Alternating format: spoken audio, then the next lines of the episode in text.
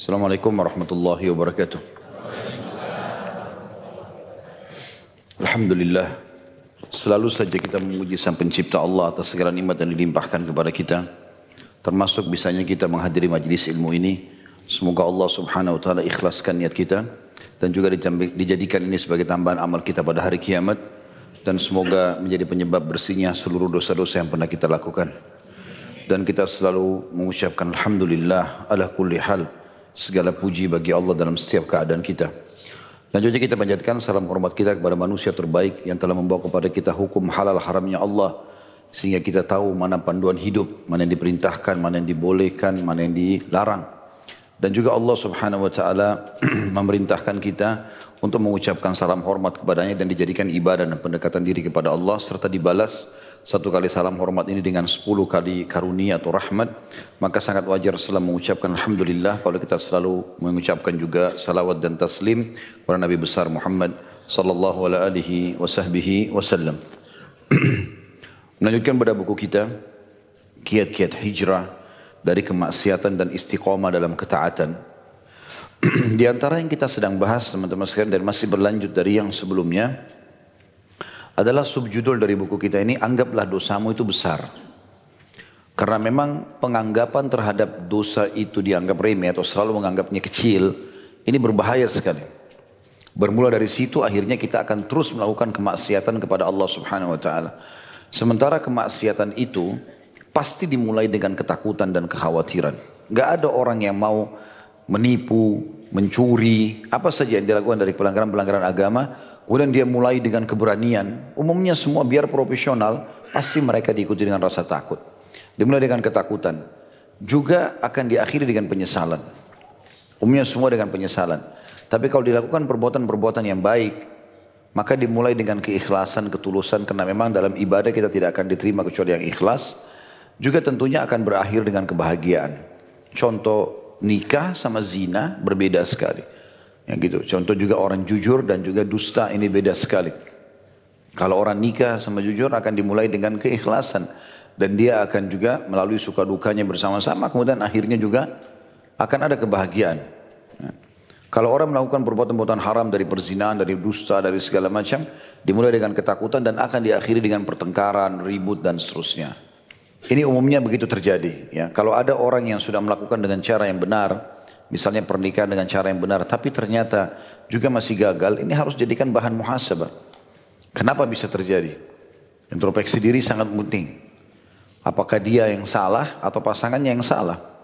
Rumah tangga itu akan selalu langgeng kalau syaratnya, ya ini kata kuncinya sebenarnya. Kunci masuk dalam rumah tangga itu adalah mengejar pahala dan surga dari pasangan. Indah sekali rumah tangga itu, kalau seandainya suami istri saling berlomba-lomba mencari pahala dari pasangannya. Habis belanja bulanan misalnya, si suami ngangkat kresek belanjaan, istrinya pun ikut. Sambil mengatakan, biarkan saya, biarkan saya. Karena ingin mengejar pahala di situ. Dari di pikiran dia, pahala apa lagi yang saya bisa dapatkan dari pasangan saya ini? Anak dari orang tua, orang tua dari anak, teman dari teman. Bagaimana dia selalu mengejar pahala dari orang-orang yang ada di sekitarnya. Kebahagiaan akan kita dapatkan di situ. Tetapi kalau kita memulai sesuatu yang baik itu dengan keraguan-raguan, kecurigaan, bahkan tidak pernah berpikir untuk meraih pahala, maka itu akan menghancurkan semuanya. Akan hancur, tidak ada nilainya. Karena orang akan berpikir, saya akan bertahan sama pasangan ini selama dia masih punya duit, saya akan bertahan sama teman ini sementara dia masih punya kedudukan, dan seterusnya. Islam menyuruh kita untuk menjalin hubungan ukhuwah kepada semua orang. Kita tidak beda dengan kapitalis. Kapitalis itu begitu kenalan yang ditanya pertama kerjaanmu apa, pendapatanmu berapa. Begitu setara dengan dia jadi temannya. Kalau begitu dia kenalkan diri ternyata gorengan, penjual gorengan dia tidak akan berkenalan. Padahal Islam mengajarkan kita berteman sama semua orang. Innamal mu'minuna ikhwah. Semua orang beriman adalah bersaudara. Yang kaya diajak partner bisnis, yang miskin dijadikan sebagai ajang untuk bersedekah dan berkegiatan sosial. Bahkan kata Nabi SAW, Innama turzakuna li fukaraikum. Kalian diberikan rezeki justru karena orang-orang miskin di antara kalian. Teman-teman sekalian, Umar bin Khattab berkata, ini statement yang terakhir sempat kita membahasnya ya. Di situ ditulis di halaman 23, anda lihat apa yang mendorong Umar radhiyallahu anhu datang dan berdialog dengan Nabi SAW. Bukankah keinginan untuk membela agamanya, bertawaf di Baitullah dan beribadah kepada Allah? Ini cerita tentang waktu Nabi SAW ditahan di kesepakatan Hudaybiyah oleh orang-orang Quraisy. Maka Umar bin Khattab datang kemudian mengajak berdiskusi Nabi SAW. Kenapa kita tidak masuk? Kenapa begini dan begitu? Tetapi Umar masih merasa dan menilai sikap tersebut sebagai dosa. Karena itu dia bersungguh-sungguh dalam beramal soleh yang akan dapat menghapus dosanya itu. Dia radhiyallahu anhu mengatakan, karena kesalahan itu saya melakukan berbagai amalan. Dalam riwayat Ibnu Ishaq disebutkan, Umar mengatakan, aku senantiasa bersedekah, berpuasa, sholat, dan memerdekakan budak karena apa yang pernah kulakukan waktu itu. Dalam arti kata Umar menganggap walaupun Nabi sudah maafkan, itu adalah sebuah kesalahan besar. Makin kita menganggap besar pelanggaran itu, maka makin uh, makin uh, jauh kita untuk mengulanginya kembali. Penganggapan remeh terhadap dosa itu akan memudahkan kita untuk mengulangi lagi, mengulangi lagi dan terusnya. Sementara kalau kita mengulangi dosa-dosa itu pasti akan akan sulit kita untuk ya memperbaiki diri kita karena terjun dalam kesalahan terus-menerus dan otomatis akan banyak sekali rezeki Allah Subhanahu wa taala yang tertahan. Figur Umar ini memang perlu jadi pelajarannya. Karena orang yang sangat luar biasa. Abdullah bin Mas'ud berkata radhiyallahu anhu, belajarlah dari orang-orang yang sudah mendahului kalian, maksudnya para sahabat Nabi. Mereka hidup di zaman Nabi, mereka jadi sahabat Nabi, wahyu turun kepada mereka sampai mereka meninggal dalam keadaan Islam. Karena mereka sudah bisa menjadi pelajaran. Mereka istiqomah dalam dalam ketaatan kepada Allah itu.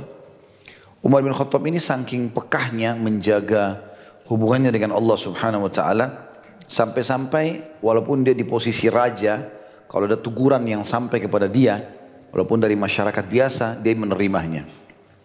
Ada sebuah kisah saya ingin sampaikan berhubungan dengan beliau. Ini banyak sekali ibrah dan pelajarannya gitu. Pelajarannya bisa bagaimana pemimpin itu bisa menerima masukan dari masyarakatnya. Pelajaran juga bagaimana seseorang muslim tidak boleh memata-matai saudaranya yang berbuat dosa. Pelajaran juga bagaimana orang yang ditegur pada saat dia melanggar agama dia bisa menerima. Pelajaran juga bagaimana seseorang itu sengaja tidak mengekspos kesalahan orang lain. Banyak sekali ibrah. Umar bin Khattab anu pernah atau sering bukan pernah, memang sering dia setiap malam keliling kota Madinah untuk mencari apakah masih ada masyarakat yang butuh dengan dia gitu. Dia terus saja keluar keliling nyari sampai banyak kasus yang ditemukan. Ada pernah ditemukan ibu janda punya anak tiga sudah tiga hari nggak makan, akhirnya dia masakkan. Ada pernah seorang Arab Badui menancapkan kemahnya, kemudian istrinya mau melahirkan, lalu dia panggil istrinya yang pada saat itu ratu Umar bin Khattab panggil istrinya untuk membantu wanita Badui tersebut yang tidak dikenal pada saat itu hanya mampir di Madinah untuk melahirkan dan tidak waktu itu tidak ada medsos kayak kita sekarang tidak ada kamera yang memfotonya tidak ada dan tengah malam nggak ada yang tahu yang mengekspos berita ini, kebaikan ini hanya si Badui tadi yang dibantu.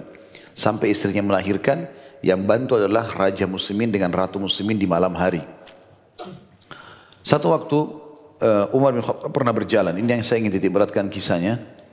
Beliau keliling-keliling bersama Abdullah bin Mas'ud waktu itu, seorang sahabat Nabi yang lain, Ridwanullahi alaihim.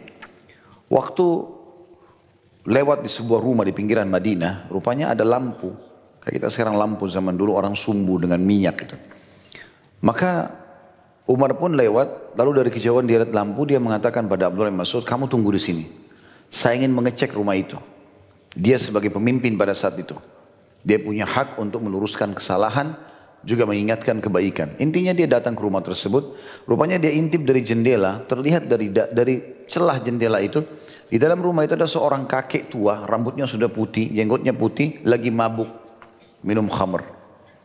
Di depannya ada seorang wanita lagi menari-nari, ya seperti seorang pelacur yang akan berzina sama si kakek ini. Maka si Umar marah tiba-tiba, dia dobrak pintunya, lalu dia marah sambil mengatakan, belum pernah saya lihat pemandangan seburuk malam ini. Kau sudah sangat tua, lalu kau masih berpikir begini, minum khamr dan juga mau berzina? Lalu tiba-tiba orang tua itu mengucapkan kalimat yang membuat Umar bin Khattab membesarkan kesalahan dia. Merasa dia bersalah dan akhirnya dia tidak mau lagi melakukannya. Kata Umar, kata orang itu, wahai Amir Mukminin, wahai pemimpin orang-orang beriman, perbuatan anda lebih buruk daripada perbuatan saya. Kata Umar, memang perbuatan saya apa? Dia bilang pertama anda memata-matai saya. Sementara Islam melarang untuk memata-matai. Saya bukan mabuk, mabuk di pinggir jalan. Dalam rumah. Salah iya. Tapi memata-matai kan tidak boleh. Allah bilang dalam Al-Quran, wala tajassasu. Jangan memata-matai. Nabi bilang SAW dalam hadis, la tajassasu. Jangan saling memata-matai. Yang kedua, anda masuk rumah saya tanpa izin.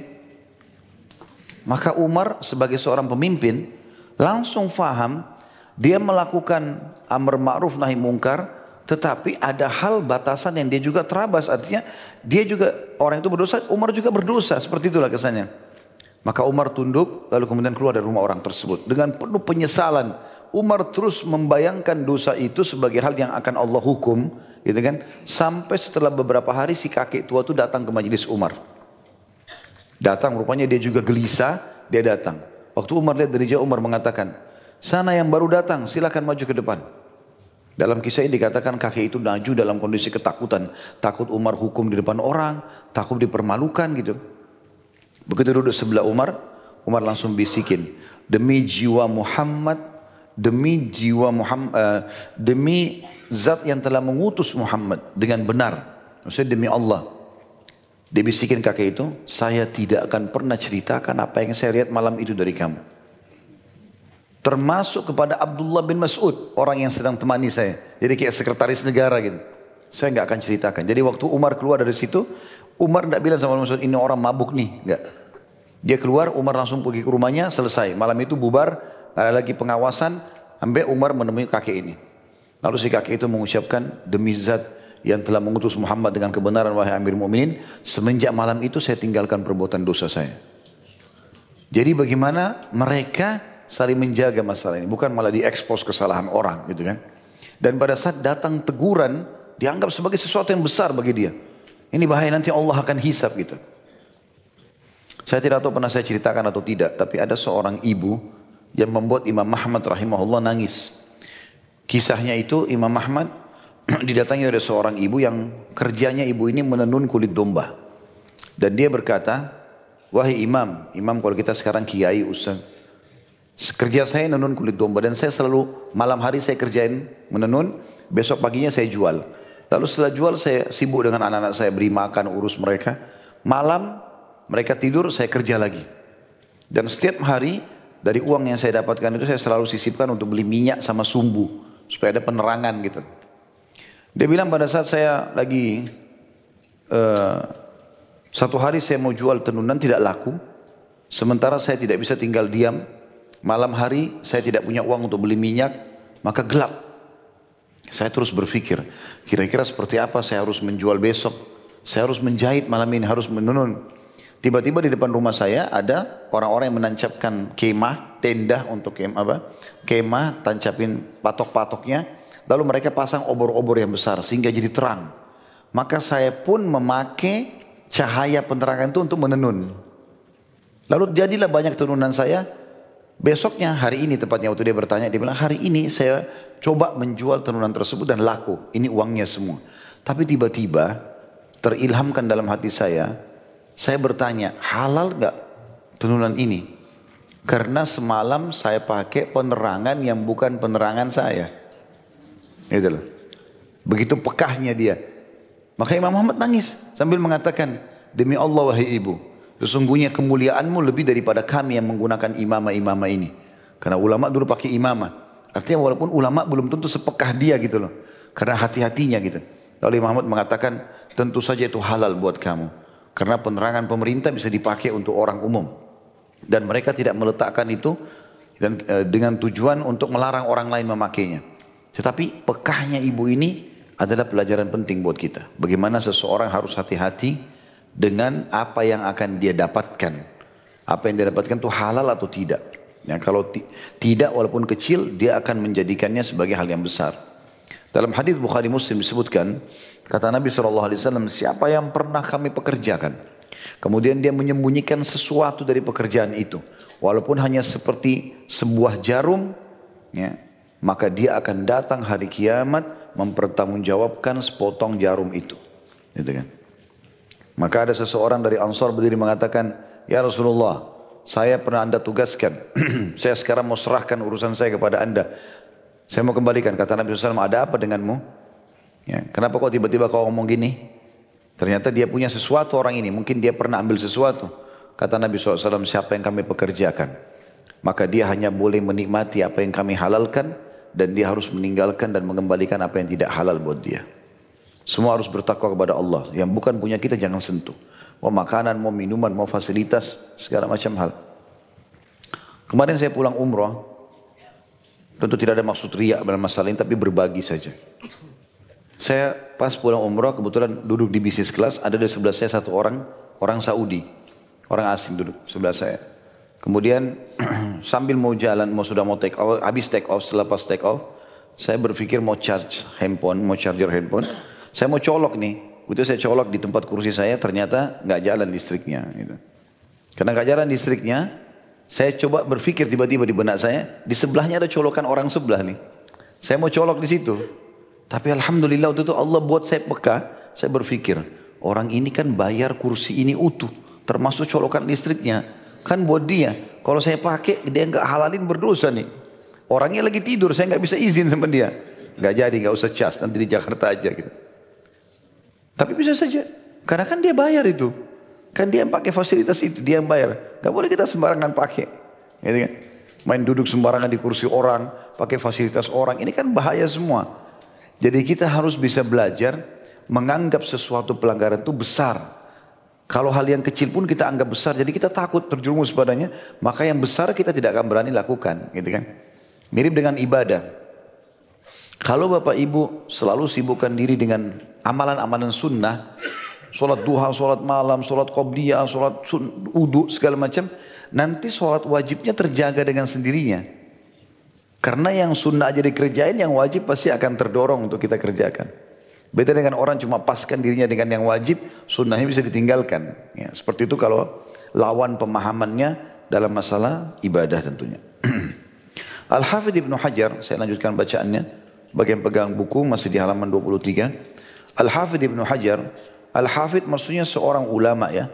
Dia hafid itu maksudnya dia diberikan julukan ini kalau orang itu banyak hafalan hadisnya, hafalan ayat Al-Quran, dia ulama besar, diistilahkan dengan Al-Hafid.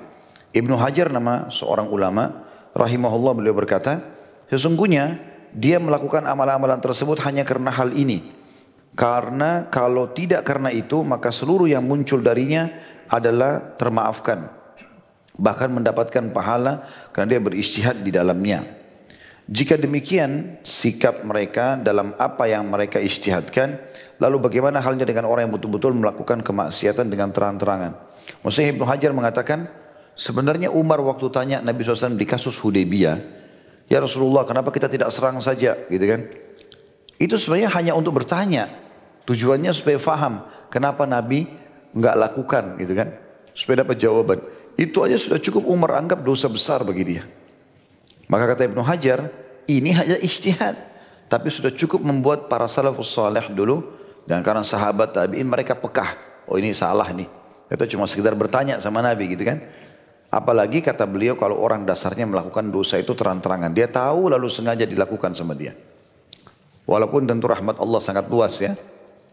Dan saya perlu sampaikan teman-teman sekalian. Di dalam majelis ilmu seperti ini. Tidak ada hardikan, tidak ada yang menyalahkan. Kalau ada di antara yang kami sampaikan Bapak Ibu, oh iya, ternyata saya nih misalnya pernah lakukan. Ya itu Allah yang berikan peringatan karena saya tidak kenal Bapak Ibu siapa gitu. Ya.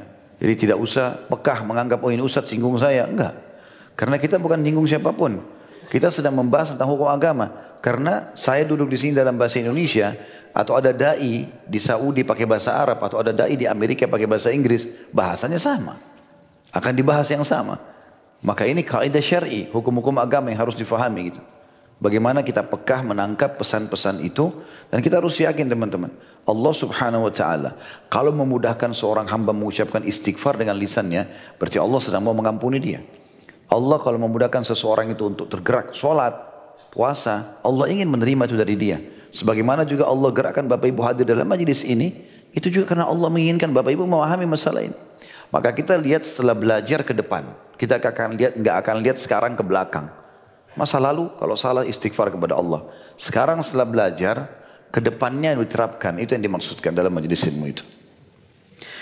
Kata beliau Abdullah bin Amr bin As radhiyallahu anhu, Abdullah sahabat Amr bin As sahabat juga mengilustrasikan jika seorang mukmin ketika melakukan kesalahan dia mengatakan la nafsul mu'min ashaddu irtikaban atau irtiqadan la nafsu mu, la nafsul mu'mini ashaddu irtikadan min al khati'ati min al usfuri hina yugzafu bih sungguh jiwa orang beriman itu lebih tergoncang karena melakukan kesalahan dibandingkan burung ketika ia dilempar. Ini disebutkan oleh Ibnu Mubarak dalam kitab Zuhud beliau di halaman 72. Artinya bahasa ini pekah ya. Beliau mau mengatakan orang mukmin itu kalau buat dosa walaupun kecil itu lebih bergoncang jiwanya dan ketakutan daripada burung yang kena panahan atau lemparan. Ya, bagaimana dia goncang sehingga jatuh, begitulah orang-orang beriman.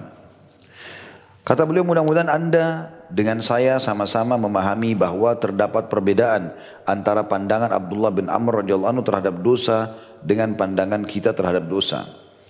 Ada kalanya pandangan seseorang tertuju pada kecilnya kesalahan. Bilal bin Sa'ad mengingatkan perilaku ini. Dia berkata, La tandur ila sigaril khati'ah, walakin undur ila man asaita. Jangan melihat kecilnya dosa, tapi lihatlah kepada siapa kau bermaksiat. Tidak usah lihat kecilnya dosa itu. Oh ini dosa kecil. Enggak. Siapa yang sedang kita langgar ini. Itu adalah Allah subhanahu wa ta'ala. Ada hal penting juga teman-teman ya. Kalau kita membiasakan diri, menyebutkan diri dengan ketaatan. Kepada Allah ta'ala. Makin kita terus galang kerjakan setiap hari kebaikan-kebaikan itu. Maka makin pekah keimanan kita. Nanti kita akan sampai pada level sangat pekah sekali terhadap apa pun yang Allah sampaikan. Begitu sebut tentang surga, kita rindu dan menangis. Begitu sebut tentang neraka, kita nangis, kita takut dan khawatir masuk ke dalamnya. Sampai pada tingkat kita kalau sholat kayak nggak mau berhenti sholat itu. Rasanya nyaman kalau sholat. Kalau baca Quran, tanggung nih saya sayang. Tambah selesai satu surah. Satu surah lagi tambah lagi. Lagi zikir diajak ngomong sebentar. Telepon pun bunyi nggak dijawab. Terus saja begitu. Akan meningkat level keimanan. Sampai kita akhirnya sudah membenci namanya kemaksiatan. Dan itu akan terjadi kalau selama Bapak Ibu tidak membuka lagi pintu-pintu dosa. Masalahnya kadang-kadang kita masih mencampur adukan antara ini sama ini. Kita mau buat ketaatan ya, maksiat juga iya. Saya pernah bahasakan kalau masih ingat di majelis kita ini, saya bilang kalau Bapak Ibu mau hijrah, jangan setengah-setengah. Emang harus hijrah sekaligus. Jadi orang baik itu jangan setengah-setengah. Nanggung gitu. Kalau dia masih mau mau hijrah, kakinya satu di tempat hijrah, satu di tempat maksiat, maka susah, dia nggak bisa melangkah. Karena yang satu bercahaya, yang satu penuh belepotan kotoran. Gak akan bisa gitu. Dia sekaligus jadi orang baik. Mau orang berkata apa, ndak usah pusing. Kamu berubah ya, kamu soalimnya, kamu begini. Biarin dia ngomong gitu. Gak ada masalah. Karena yang akan dihisap adalah kita sendiri. Atta bin Abi Rabah rahimahullah menasihati seorang khalifah. Pada saat dia mau pulang dari istana itu, tentu ada kisahnya panjang. Tapi dia mengatakan, waktu khalifah bilang, apa ada lagi yang anda mau sampaikan? Kata beliau, ada Amir Mu'minin. Sambil berdiri, dia menghadap ke mukanya raja sambil mengatakan, Ingat wahai Amir Mu'minin, Anda lahir di muka bumi ini sendirian. Anda juga berbuat amal Anda sendirian. Anda juga akan meninggal sendirian. Anda juga nanti akan dibangkitkan dan dihisap oleh Allah sendirian. Ingat, gak akan ada gunanya semua ada di sekitar Anda ini. Pujiankah ataupun hardikan. Masalahnya adalah hubungan kita sama Allah SWT. Teman-teman kalau lagi hadapi masalah apa pun, mudah-mudahan di sini tidak ada yang hadapi masalah, tapi kalau ada yang hadapi masalah teman-teman, yang jadikan bahan muhasabah pertama adalah hubungan kita sama Allah. Enggak usah cari tahu dengan manusia, enggak ada gunanya. Karena kita sama manusia ini enggak selesai-selesai. Kita kantor yang ini, kantor yang sana, kantor enggak selesai-selesai. Udu, sholat dua rakaat, taubat kepada Allah. Selesai. Insya Allah lihat hasilnya. Setiap hari rutinkan beberapa hari akan lihat hasilnya. Hati kita akan plong. Kalau kita benar Allah akan benarkan kita. Allah punya cara membongkar kesalahan orang lain. Dan kalau kita salah pun kita jadikan bahan muhasabah, kesempatan. Lebih baik dihisap di sini daripada dihisap di akhirat kan gitu. Jadi harus begitu. Berubah ya berubah gitu. Jangan setengah-setengah. Saya pernah bilang itu. Kalau kita masih campur adukan tidak akan ada kenikmatan keduanya. Sholat nggak khusyuk karena memang dia masih buka pintu gosip, dia masih buka pintu riba, dia masih buka pintu ini. Jadi nggak bakal bisa ketemu. Ini seperti minyak sama air, nggak bisa ketemu. Dikatakan, adapun Sulaiman bin Hubaib rahimahullah mengatakan, Inna Allah idha arada bi abdihi khairan ja'ala al-ithma wabila. Fa arada bi abdihi syarran khaddara. Sesungguhnya apabila Allah menghendaki kebaikan pada hambanya, maka dia, D-nya besar kata ganti Allah, menjadikan dosa itu suatu yang buruk di matanya. Dan apabila dia Allah menghendaki keburukan pada hambanya, dia membuatnya indah di matanya. Disebutkan juga oleh Mubarak dalam kitab Zuhud halaman 70. Kalau ada yang bertanya begini, Ustaz, apakah memang Allah akan memandu orang kepada keburukan? Jawabannya iya. Kalau memang Allah dengan keluasan ilmunya sudah tahu orang ini akan jadi buruk. Contoh kasus Fir'aun misalnya. Fir'aun itu didakwahi oleh Nabi Musa AS lebih dari 10 tahun. Hampir setiap saat didatangi. Hai Fir'aun jangan aku Tuhan, jangan aku gini. Banyak tanda-tanda kebesaran Allah. Dan tanda-tanda besar. Sungai Nil berubah dari air menjadi darah. Mereka lihat itu. Dan uniknya kalau Bani Israel mau minum, jadi air. Kalau pengikut suku Kipti, Fir'aun mau minum, jadi darah. Dan mereka musyawarah, mereka cari jalan, tidak dapat solusinya. Nggak ada solusi. Terakhir ada satu orang bilang kita minta sama Musa saja. Mungkin Tuhannya Musa bisa. Maka mereka minta pada Musa, Nabi Musa di depan mereka karena mereka janji mau beriman. Angkat tangan, Allah hilangkan. Berubah, darah itu menjadi air lagi. Ternyata mereka nggak beriman, kufur lagi kepada Allah. Allah datangkan lagi pada saat itu, ya kata satu negeri Mesir penuh, gitu kan? Sama lagi kasusnya. Minta lagi, mereka sudah sampai mentok, gak bisa lagi dapat jalan keluar. Minta lagi kepada Musa. Musa berdosa lagi sama Allah. Tapi dengan mereka janji mereka akan beriman. Ternyata mereka dusta lagi. Ya mereka sendiri mau begitu, mereka dustakan gitu. Kemudian datang lagi uh, belalang Allah datangkan, gitu kan? Penuh belalang, habis semua hasil panennya mereka. Mereka berusaha matikan belalang sini nggak bisa. Minta lagi pada Musa depan mata mereka. Berdoa lagi kepada Allah, dihalang, hilangkan lagi belalang. Ternyata masih tetap saja kufur. Akhirnya Allah sesatkan Fir'aun itu. Gitu kan? Karena memang dasarnya memang dia tidak mau beriman. Ya. Ada hal yang perlu digarisbawahi teman-teman sekalian. Yang paling berpengaruh dalam jiwa kita adalah diri kita sendiri. Ya. Saya mau tanya, yang goda kita siapa? Syaitan. Yang pimpin yang pimpin syaitan siapa? Iblis. Kenapa ragu jawab? Iblis. Baik saya mau tanya, waktu Allah suruh iblis uh, suruh malaikat sujud kepada Adam, iblis gak mau sujud. Siapa yang goda iblis? Nah, dirinya sendiri. Iblis kan waktu itu tidak ada yang goda. Dia sekarang goda anak Adam, gitu kan? Jadi sebenarnya dalam diri kita itu ada potensi baik, ada potensi buruk. Allah bilang fa'alhamaha fujurah wa taqwa. Ada fujur, ada potensi berbuat dosa, ada takwa, potensi berbuat kebaikan. Nah, kalau kita lagi mau buat sesuatu, kayak tadi misalnya Bapak Ibu hadir majelis begini. Ini dalam jiwa kita gejolak nih. Hadir gak ya? Hadir ketakwaannya yang bergejolak. Gak usah hadirlah gini-gini. Itu adalah fujurnya. Sekarang dia cenderung pada apa? Syaitan cuma nunggangi itu. Oh, ini sekarang dia mau buat kebaikan. Setan coba, gak usah lah, gak usah sholat, gak usah ke sana, gak usah gini. Dia coba tunggangi potensi fujur kita. Tapi dia gak bisa buat apa-apa. Kalau kita nolak, nggak saya tetap mau hadir. Kayak bapak ibu tadi hadir. Ya sudah, dia gak bisa buat apa-apa gitu. Makanya Allah bilang, inna kaidah syaitani kana daifa. Syaitan itu lemah.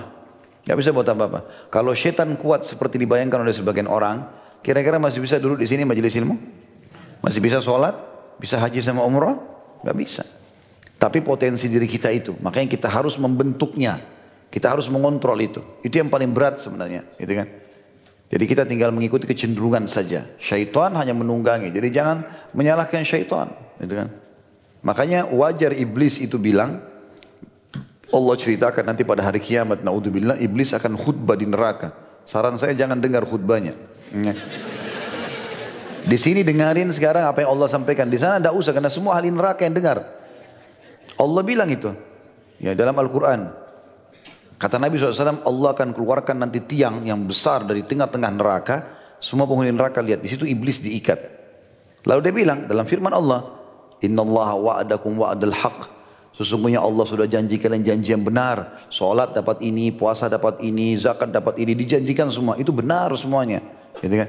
Wa wa'adtukum. Saya juga janji-janji kalian. Jangan buat, tak usah begini, begini, begini, segala macam fa'akhlaftukum. Tapi saya nipu kalian. Gitu.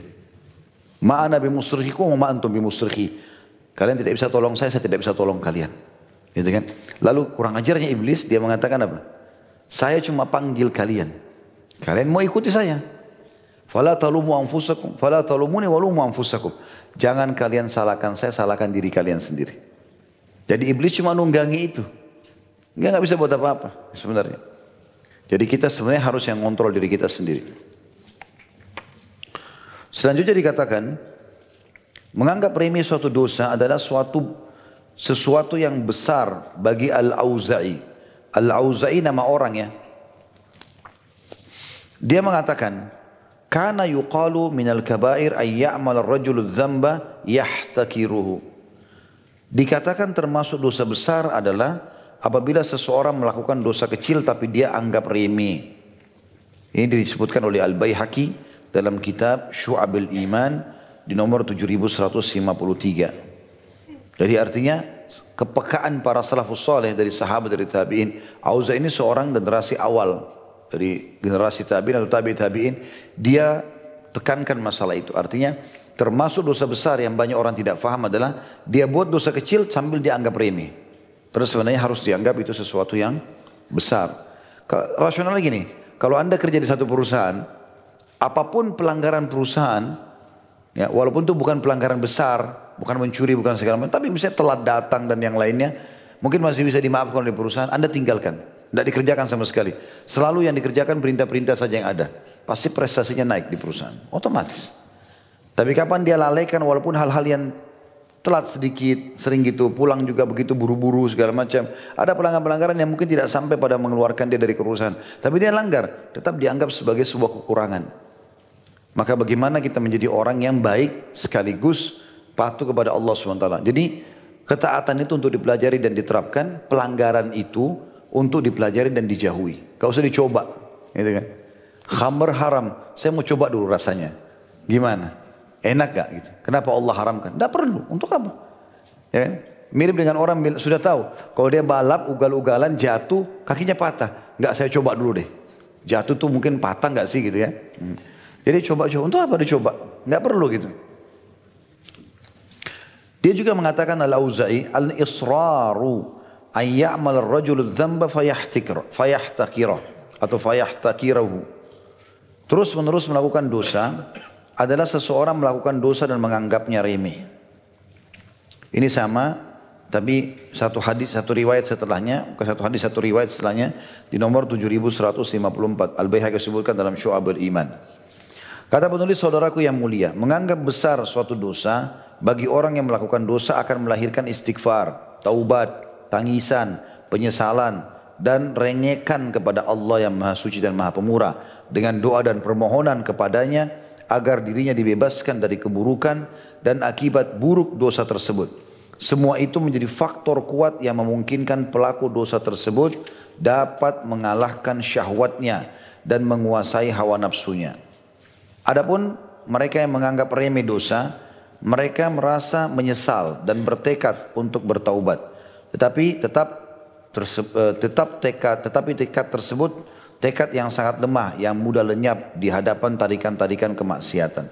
Nanti bagaimana seseorang menanamkan kepekaan itu dan kalau sudah peka teman-teman memang memang betul-betul kita kayak ter, ter, terbenteng ya dari dosa itu. Kalau sudah sering kita buat ketaatan, lama-lama kita jadi benci kemaksiatan, lama-lama mau jerumus saya sedikit nggak mau. Kayak ya, berat nggak usah deh nggak usah. Sering gitu. Tapi kapan seseorang men menerabas itu? Sudah nggak apa-apa deh. Saya kerjain nanti gampang saya tobat. Udah dia buka itu berbahaya. Saya rasionalkan begini orang kalau buka pintu dosa itu seperti orang yang ada di pinggir jurang.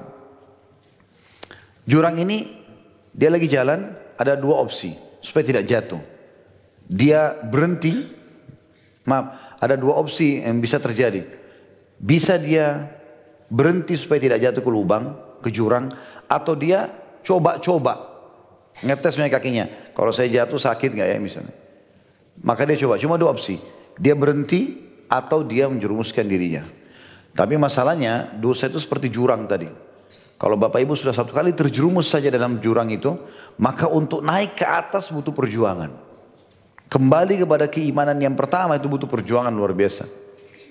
Ya, kalau bahasa sederhananya, misal Bapak Ibu pernah tersentuh dengan sebuah ceramah tentang neraka misalnya. Lalu mulailah tutup aurat, mulailah oh ini saya pendapatan haram nggak boleh nih, saya mulai coba berhijrah, gitu kan. Berjalanlah kita dengan cobaan-cobaan suka dukanya kehidupan kita tetap istiqomah. Satu waktu ada kesempatan berbuat kemaksiatan. Lalu kita terjerumus dalam dosa itu. Padahal kita terjerumus teman-teman sekalian. Untuk kembali kepada level iman yang pertama. Nggak cukup lagi dengan mendengarkan ceramah yang sama. Harus ada pendongkrak yang lebih besar. Itu sulitnya gitu. Makanya menjaga keimanan itu sangat luar biasa. Dan yang paling pertama Allah angkat dari seorang hamba pada saat dia buka pintu kemaksiatan adalah cinta terhadap ibadahnya hilang. Itu dulu dia jadi nggak mau. Sudahlah nggak usah sholat, nggak usah sholat malam, nggak usah sholat duha, nggak usah istighfar, nggak perlu sedekah. Itu gampang nanti orang lain aja dibantu. Itu sudah tanda-tanda dia berbuat dosa Allah angkat. Karena kalau orang beriman dia tidak mau luputkan itu. Bahkan dia merasa menyesal kalau ada satu orang miskin lewat dia nggak sempat bantu. Ketinggalan sholat sunnah aja, aduh sayangnya ya kayak ada sesuatu yang mahal hilang dari dia. Nah, itu orang beriman. Dan itu akan hilang kepekaan itu kalau orang sudah buka pintu dosa. Apalagi kalau dia terus terjerumus. Terus terjerumus. Ini bahaya sekali. Ya. Maka harus lebih hati-hati dalam masalah-masalah seperti ini. Baik kita masuk ke subjudul yang lain. Kata penulis berhati-hatilah terhadap dosa-dosa yang dianggap remeh. Berhubungan dengan penjelasan yang telah lalu mengenai menganggap besar suatu dosa ialah rasa takut dari dosa-dosa yang dianggap remeh. Rasulullah SAW memperingatkan keras akan hal itu dan membuat suatu permisalan yang mendalam. Disebutkan dari Sahal bin Sa'ad radhiyallahu anhu dia mengatakan dia berkata Rasulullah SAW bersabda iyyakum wa muhakkarat iyyakum wa muhakkaratid dunub ka qaumin nazalu fi batni wadin faja'a dha bi'udin wa ja'a dha bi'udin hatta andaju hubzatahum wa inna muhakkaratid dunub mata yu'khadu biha sahibuha tuhlikhu. Berhati-hatilah kalian terhadap dosa-dosa yang dianggap remeh. Ah kecil, nggak apa-apa, gini. Seperti kaum yang singgah di perut lembah. Jadi perumpamannya seperti ada satu kelompok orang, komunitas orang berhenti di satu lembah. Lalu seseorang datang membawa ranting dan seseorang lainnya lagi datang membawa ranting. Sehingga mereka dapat mematangkan roti mereka. Jadi misalnya satu kaum ini turun di satu lembah, Zaman dulu orang kalau mau e, masak mereka apalagi kalau dalam perjalanan padang pasir mereka butuh ranting-ranting. Nah ini kalau mereka punya komunitas biasanya mereka saling cari. Ayo menyebar yuk cari ranting-ranting kering. Mereka nyebar lah. Yang ini bawa satu potong ranting, yang ini lima rontung, yang ini satu tumpukan tergantung. Lalu dikumpulkan, lalu dibakar. Jadi bakaran lalu mereka bisa memanaskan roti mereka. Kata Nabi SAW diberikan perumpamaan sesungguhnya dosa-dosa yang diremehkan itu Ya seperti ranting-ranting tadi. Walaupun satu kecil. Tapi karena banyak terkumpul akan bisa menyalakan api yang besar. Kapan saja pelakunya dihukum karenanya. Maka dosa-dosa itu dapat membinasakannya. Dosa-dosa dapat ini hadis diriwayatkan oleh Ahmad jilid 5 halaman 331 At-Tabarani dan juga Al-Baihaqi sebutkan dalam Syu'abul Iman At-Tabarani meriwayatkan dan Al-Baihaqi sebutkan dalam Syu'abul Iman nomor 7267. Ya. Juga Ibnu Mas'ud meriwayatkan bahwa dia berkata, "Iyyakum wa muhakkaratid dunub fa innahunna yajtami'na 'ala ar-rajuli hatta yuhliknahu yuhliknahu wa inna Rasulullah SAW daraba lahum mathalan kamathali qaumin nazalu ardan falat fahadara sani'ul qaum وجعل الرجل ينطلق فيجيء بالعود والرجل يجيء بالعود حتى جمعوا سوادا وأججوا نارا وأندجوا ما كذفوا فيها Berhati-hatilah kalian terhadap dosa-dosa yang dianggap remeh. Karena sungguhnya hal itu terhimpun atau berhimpun dalam diri seseorang hingga ia membinasakannya. Sesungguhnya Rasulullah SAW membuat permisalan mengenai hal itu. Ya, yakni seperti kaum yang singgah di tanah kosong, lalu dimulailah aktivitas mereka, membuat makanan maksudnya. Maka seseorang pergi lalu membawa ranting, seseorang lagi datang membawa ranting, sehingga mereka mengumpulkan ranting yang banyak dan menyalakan api serta dapat mematangkan apa yang mereka lemparkan ke dalam api tersebut. Diriwayatkan Ahmad jadi satu halaman 402. Jadi teman-teman para salafus saleh dulu, mereka itu sangat peka sampai kalau terjadi sesuatu pada dia di rumahnya atau dirinya sendiri, ketidaktenangan dia jadikan sebagai bahan muhasabah. Dia istighfar, dia taubat. Dia juga tanya istri sama anaknya, kalian buat salah nggak? Ditanya sama dia, ada salah nggak? Kalau ada salah, ayo istighfar nih. Kenapa kok tiba-tiba hari ini sempit rezekinya? Kenapa tiba-tiba sumpek? Kenapa begini dan begitu? Dia jadikan bahan muhasabah. Mereka lakukan itu. Saya tahu ada satu orang, uh, hafid Quran di Jakarta, kasusnya terjadi di Indonesia. Orangnya Masya Allah hafalannya bagus gitu. Bercerita tentang keadaannya gitu.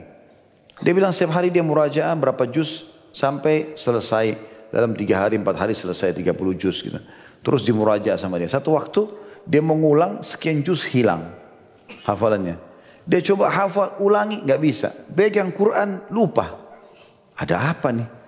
Dia jadikan bahan muhasabah, istighfar, taubat. Tapi dia coba sambil berpikir dosa apa ya? Ternyata nggak menurut dia nggak ada. Dia tanya istrinya, ada dosa yang kau buat di rumah? Nggak ada. Ya saya seperti aktivitas sekarang.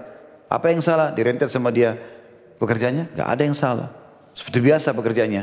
Kok bisa tiba-tiba hafalan hilang nih? Sekian tahun dihafal, hilang dalam hitungan satu dua hari. Sekian juz.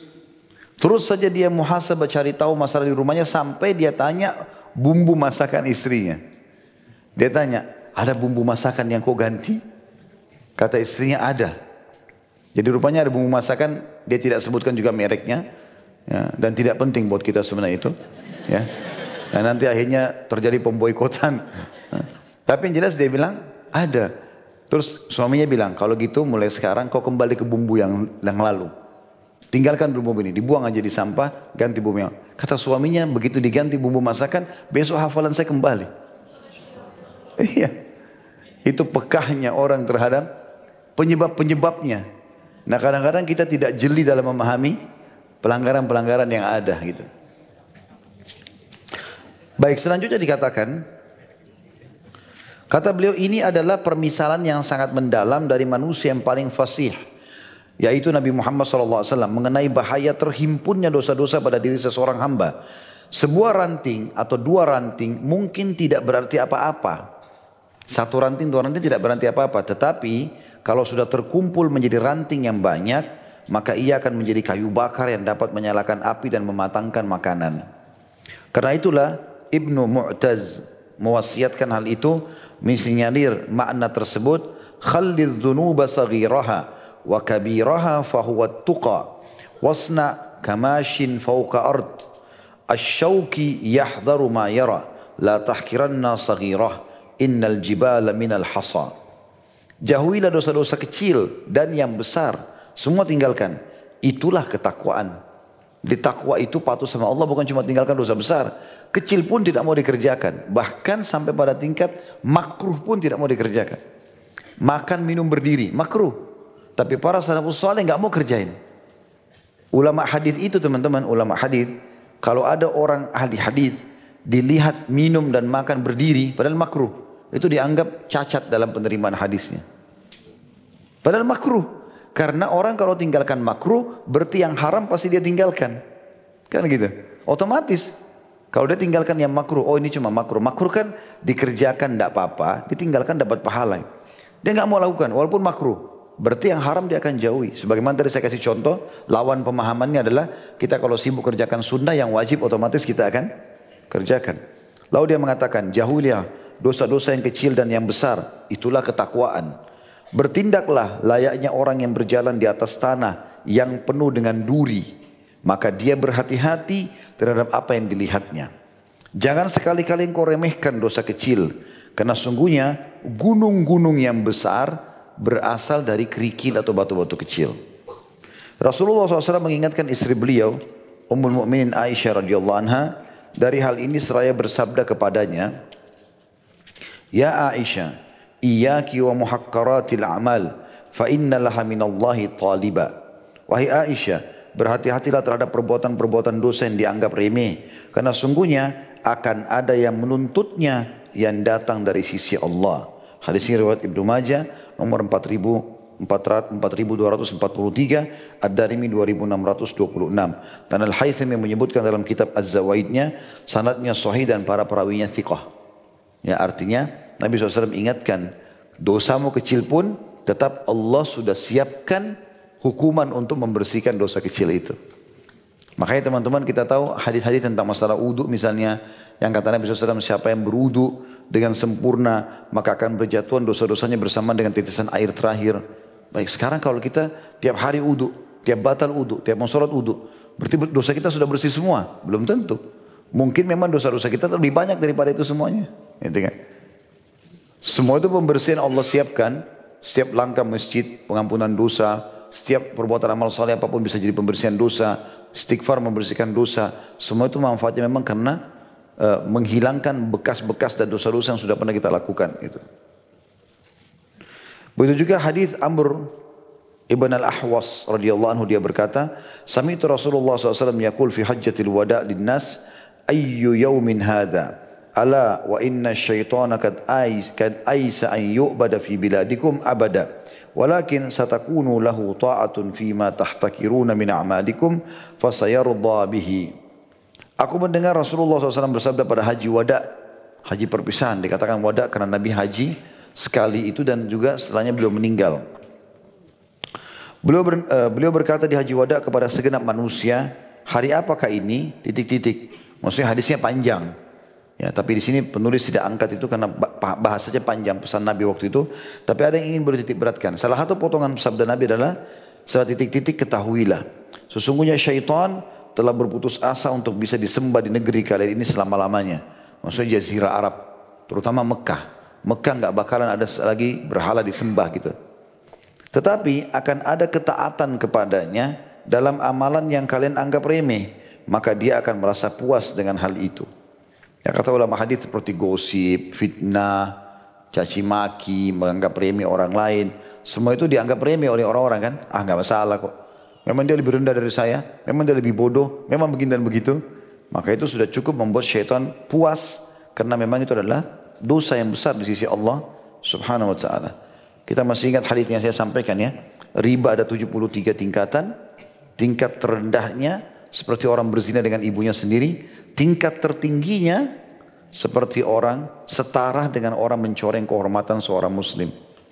Jadi gosipin orang, ya, cari-cari kesalahan orang dan segala macam, itu ya, sudah lebih berat daripada zina 73 kali dengan ibu sendiri. Ya. Jadi nggak boleh masuk-masuk ke alam orang. Makanya makin kita tidak tahu tentang informasi orang makin bagus. Siapa pun itu. Mau suami, mau istri, yang kita tahu benar depan mata, kita perbaiki. Yang salah, nggak usah dikorek-korek. Yang salah kita luruskan, yang kita tidak tahu nggak usah dikorek-korek. Saya ulangi ya, jadi yang benar kita dukung, yang salah kita luruskan. Yang kita tidak tahu nggak usah dikorek. Tugas kita jadi suami, jadi istri, jadi sahabat, jadi guru, jadi atasan, jadi pegawai, hanya sampai ajal datang. Pertahankan itu baik-baik. Kalau di sini Bapak Ibu Masya Allah sudah punya anak-anak kecil, Perhatikan mereka, salah satu tanda kematian kita adanya anak-anak itu. Karena dengan adanya anak berarti sudah ada generasi yang akan menggantikan kita. Sebagaimana dulu kita kecil, orang tua kita juga sudah datang pada tanda kematian. Jadi jangan terus menerus lalai ini, gitu kan? Semua akan ada pertanggung jawabannya itu. Kata beliau banyak sekali wasiat dari generasi salaf umat ini yang memperingatkan dosa-dosa yang dianggap remeh dan menjelaskan bahayanya terhadap seseorang. Kaab Ka'ab ini sahabat Nabi radhiyallahu berkata, Innal abda la yudhnibu dzamba as-saghir wa la yandam alaihi wa la yastaghfiru min. Faya'dhumu 'inda Allah hatta yakuna mithlu at-taut wa ya'malu adh-dhanba al-'azim fayandamu alaihi wa yastaghfiru minhu. Fayasghuru 'inda Allah azza wa jalla hatta ya, hatta yaghfira. Sesungguhnya seseorang hamba benar-benar melakukan dosa kecil tapi dia tidak menyesal. Dosa-dosa kecil tapi dia ah tidak usah nggak apa-apa nggak usah istighfar nggak nyesal dan tidak pula beristighfar karenanya maka dosa itu menjadi besar di sisi Allah sehingga menjadi besar seperti gunung. Sementara seorang hamba yang melakukan dosa besar lalu dia menyesal dan beristighfar kepadanya maka dosa itu menjadi kecil di sisi Allah Subhanahu wa taala sehingga dia pun mengampuninya maksudnya Allah mengampuninya. Ini diriwayatkan oleh Baihaqi dalam Syu'abul Iman nomor 7151. Al-Fudhal ibn Iyad juga rahimahullah. Ini salah satu ulama tabi'in. Fudhal ibn Iyad salah satu perampok jalanan dulu. Lalu taubat. Subhanallah setelah dia taubat menjadi ulama besar. Tadinya perampok jalanan gitu. Dan setiap kali perkataan nasihat selalu ada saja perkataan beliau rahimahullah. Dan sahabat dekatnya namanya Abdullah bin Mubarak mengatakan, sungguh pada diri Fudail ada tanda-tanda kebesaran Allah. Dulunya penjahat, sekarang taubat dan betul-betul Allah janjikan orang bertobat akan diberikan petunjuk dan Allah akan berikan rezeki. Terbuka Allah bagi Fudail jalan-jalan halal setelah dia taubat.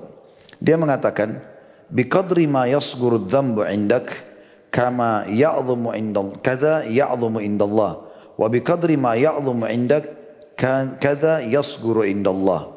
Sejauh mana kau menganggap kecil dosamu, maka sejauh itu pula dosamu menjadi besar di sisi Allah. Dan sejauh mana kau menganggap besar dosamu, maka sejauh itu pula dosamu menjadi kecil di sisi Allah. Ini disebutkan oleh Al-Bayhaqi dalam Syu'abul Iman nomor 7152. Juga Al-Hasan, Hasan Hasan Basri rahimahullah berkata, bahwasanya dia berkata, "Man 'amila hasanatan wa in sagurat awrathathu nuran fi qalbihi wa quwwatan fi 'amalihi." wa in amila sayyi'atan wa in sagurat fahtaqaraha awrathathu dhulman fi qalbihi wa dha'fan fi. Barang siapa yang melakukan kebajikan, ketaatan walaupun itu sunnah misalnya, meskipun kecil, maka hal itu akan menimbulkan cahaya dalam hatinya dan kekuatan dalam amalnya. Kayak Bapak Ibu hadir majelis ilmu begini sebentar bubar pasti beda imannya. Terasa otomatis. Bukan karena saya, karena Allah SWT. Maka itu akan muncul cahaya yang akan membuat kita lebih kuat beramal dari sebelumnya. Makin kita pupuk maka makin kental tentu keinginan untuk beramal. Jika dia melakukan perbuatan buruk sebaliknya. Meskipun kecil. Dosa walaupun kecil. Namun dia menganggapnya remeh. Maka hal itu akan menimbulkan kegelapan dalam hatinya. Dan kelemahan dalam amalnya. Jadi otomatis jadi malas beribadah. Makanya Abdullah bin Umar pernah menjadikan bahan muhasabah. Dia bilang, saya pernah melakukan dosa kecil yang saya anggap kecil sekali. Sudah cukup membuat Allah mengharamkan saya sholat subuh di masjid satu bulan. Jadi Allah tidak buat dia mau sholat subuh. Tidak bisa. Bangun sudah terbit matahari. Itu dianggap efek daripada dosanya. Sebulan dia bilang hilang. Sampai sebagian ulama mengatakan, kalau kau mau tahu dosamu sudah dibersihkan atau belum oleh Allah, gitu kan? Perhatikan bagaimana kepekaan kau terbangun di malam hari dan di waktu subuh. Kalau kita terkaget tengah malam terus terpikir untuk sholat malam, itu tanda kebaikan. Berarti apa yang kita sudah mohon kepada Allah bisa saja Allah ijabah karena memang waktu itu diijabah doa. Begitu juga pada saat bangun sholat subuh. Karena Nabi SAW mengatakan siapa yang sholat subuh berjamaah di masjid, dia akan ada di bawah naungan Allah, dilindungi Allah sampai besok pagi. Tolak ukurnya itu. Abdullah bin Umar jadikan tolak ukur sholatnya. Ternyata dengan buat dosa kecil satu bulan nggak bisa sholat di masjid. Allah haramkan dari ketaatan itu. Gitu. Abu Ayyub al-Ansari, sahabat Nabi yang mulia radhiyallahu anhu berkata, "Inna rajula la ya'malul hasana yattakilu 'alaiha wa ya'malul muhakkarat hatta ya'ti Allah wa ah, wa qad akhtarah akhtarathu Wa inna rajula la ya'malu sayyi'ata fayafruq fayafraqu minha hatta ya'ti Allah amina. Seseorang sesungguhnya seseorang benar-benar melakukan amal kebaikan, kebajikan dan dia menyandarkan keselamatan padanya dan dia melakukan perbuatan-perbuatan dosa yang dianggap remeh hingga dia datang kepada Allah dalam keadaan perbuatan-perbuatan dosa yang dianggap remeh tersebut telah membahayakannya dan sungguhnya seseorang benar-benar melakukan amal keburukan tapi dia menyesalinya sehingga dia datang kepada Allah dalam keadaan aman. Ini artinya kalau pernah berbuat dosa bertaubat dan itu akan mengamankan dia tinggal istiqomah sampai mati dan orang kalau pernah membuat ketaatan maka dia tinggal menjaganya.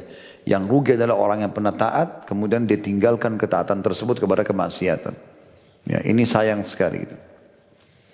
Juga salah satu teman-teman harus diperhatikan ya, kalau antum sudah hijrah, sudah mulai mau menjadi orang baik, ini jangan lupa, komunitas penting. Komunitas penting. Ingat selalu itu komunitas. Kita manusia makhluk sensitif. Ya. Sehebat apa pun kita anggap iman kita, kapan tetap kita pada komunitas yang buruk, ini bahaya sekali. Saya pernah ceritain tidak kisah Uqbah bin Abi Mu'aid. Sudah? Selalu belum?